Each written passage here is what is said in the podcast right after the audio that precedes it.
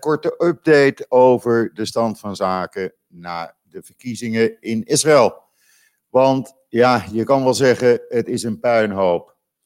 Uh, na telling van uh, 95% van alle stemmen is duidelijk dat er een situatie is ontstaan die uh, ja, niet zo makkelijk is op te lossen, zolang Netanyahu zich niet terugtrekt. Het blijkt namelijk dat Blue and White heeft 33 Knesset-zetels, Likud heeft er 32. Maar ga je naar de blokken kijken, dan betekent dat dat het rechtse blok 56 zetels heeft en een centrum-links blok heeft er 44. Lieberman, de kingmaker, eh, als die bij het centrum-linkse blok zou komen van uh, Blue and White, dan zouden die op 52 zetels komen.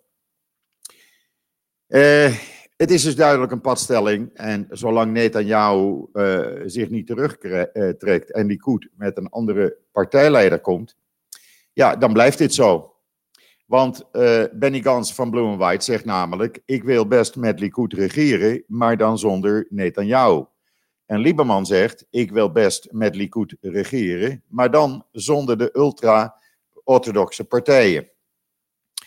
Netanyahu die, uh, die probeert nu uit alle macht uh, uh, ja, toch weer opnieuw premier te worden. Want hij wil op die manier immuniteit verkrijgen tegen vervolging voor fraude en corruptie. En dat wil hij ja, goed, doorzetten. En gisteravond heeft hij toch weer een, een soort truc uitgehaald. maar naar mijn idee vergroot dat het probleem alleen maar. Hij heeft namelijk alle zeg maar leiders van de kleine partijen in Israël bij elkaar geroepen en gezegd: jongens, gaan jullie dit document nou tekenen? Dan doen wij uh, voorkomen alsof wij één partij zijn. Dat betekent dat al die vier, vijf kleine rechtse partijtjes en de ultra-orthodoxe partijen bij elkaar doen aan de president gaan zeggen: luister, wij zijn geen onafhankelijke partijen. Wij zijn één partij met 55, 56 zetels mogelijk in de Knesset. Nou, ik denk niet dat uh, uh, premier Rivlin, of president Rivlin daarin gaat trappen. Uh, het is te doorzichtig. en president Rivlin trouwens heeft nog een appeltje met Netanyahu te schillen. Vanwege het feit dat hij uh, zijn mandaat in april niet teruggegeven heeft. Uh, om een ander de kans te geven een regering samen te stellen. Inmiddels heeft Netanyahu bekendgemaakt dat hij niet naar de algemene vergadering van de Verenigde Naties in New York gaat. En ook niet met Trump gaat praten. In plaats daarvan gaat de minister van Buitenlandse Zaken Katz.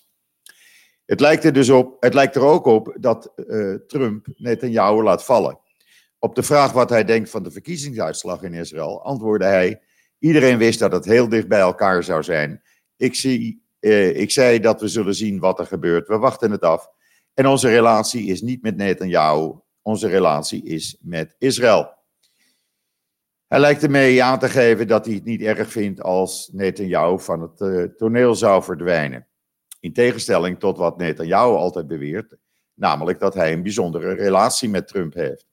Nou, zo bijzonder, daar, uh, ja, zo bijzonder is het niet. In de Israëlische media is men eensgezind. Alle kranten die zijn het erover eens dat het tijdperk van Netanyahu voorbij is.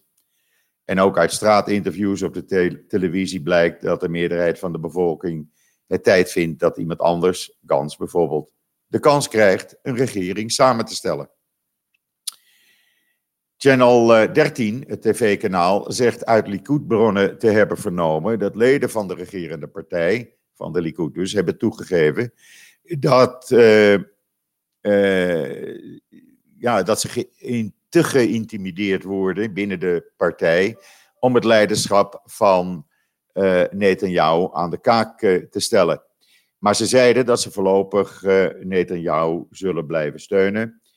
Uh, maar gaven hem wel de waarschuwing dat als het hem weer niet lukt, dan zijn je dagen als partijleider van de Likud geteld.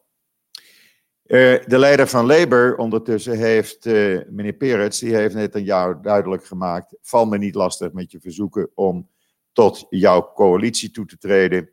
ik weet het, we hebben zes stemmen en met onze zes stemmen zou je een regering samen, kunnen samenstellen. Maar bespaar je de moeite, wij doen niet mee zolang jij aan het bewind zit. ja, hoe nu verder? Nou, dat weet geen mens. Niemand weet welke kant het op moet. Niemand weet uh, wat er gaat gebeuren. We moeten afwachten totdat 100% van de stemmen zijn geteld. Dat zal geen verandering geven in de einduitslag zoals die nu min of meer bekend is. Wat we wel weten, één ding is dat het, nou op z'n Hollands gezegd, een puinhoop is. En uh, zolang, nogmaals, Netanyahu dus geen stap terug doet, en dat zal hij niet doen, voorlopig, ja, ziet niemand eigenlijk een oplossing.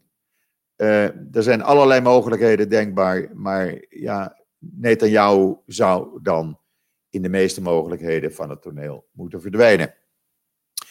Goed, tot zover even mijn update. Eh, mocht er iets belangrijks zijn, dan laat ik u dat eh, natuurlijk weten.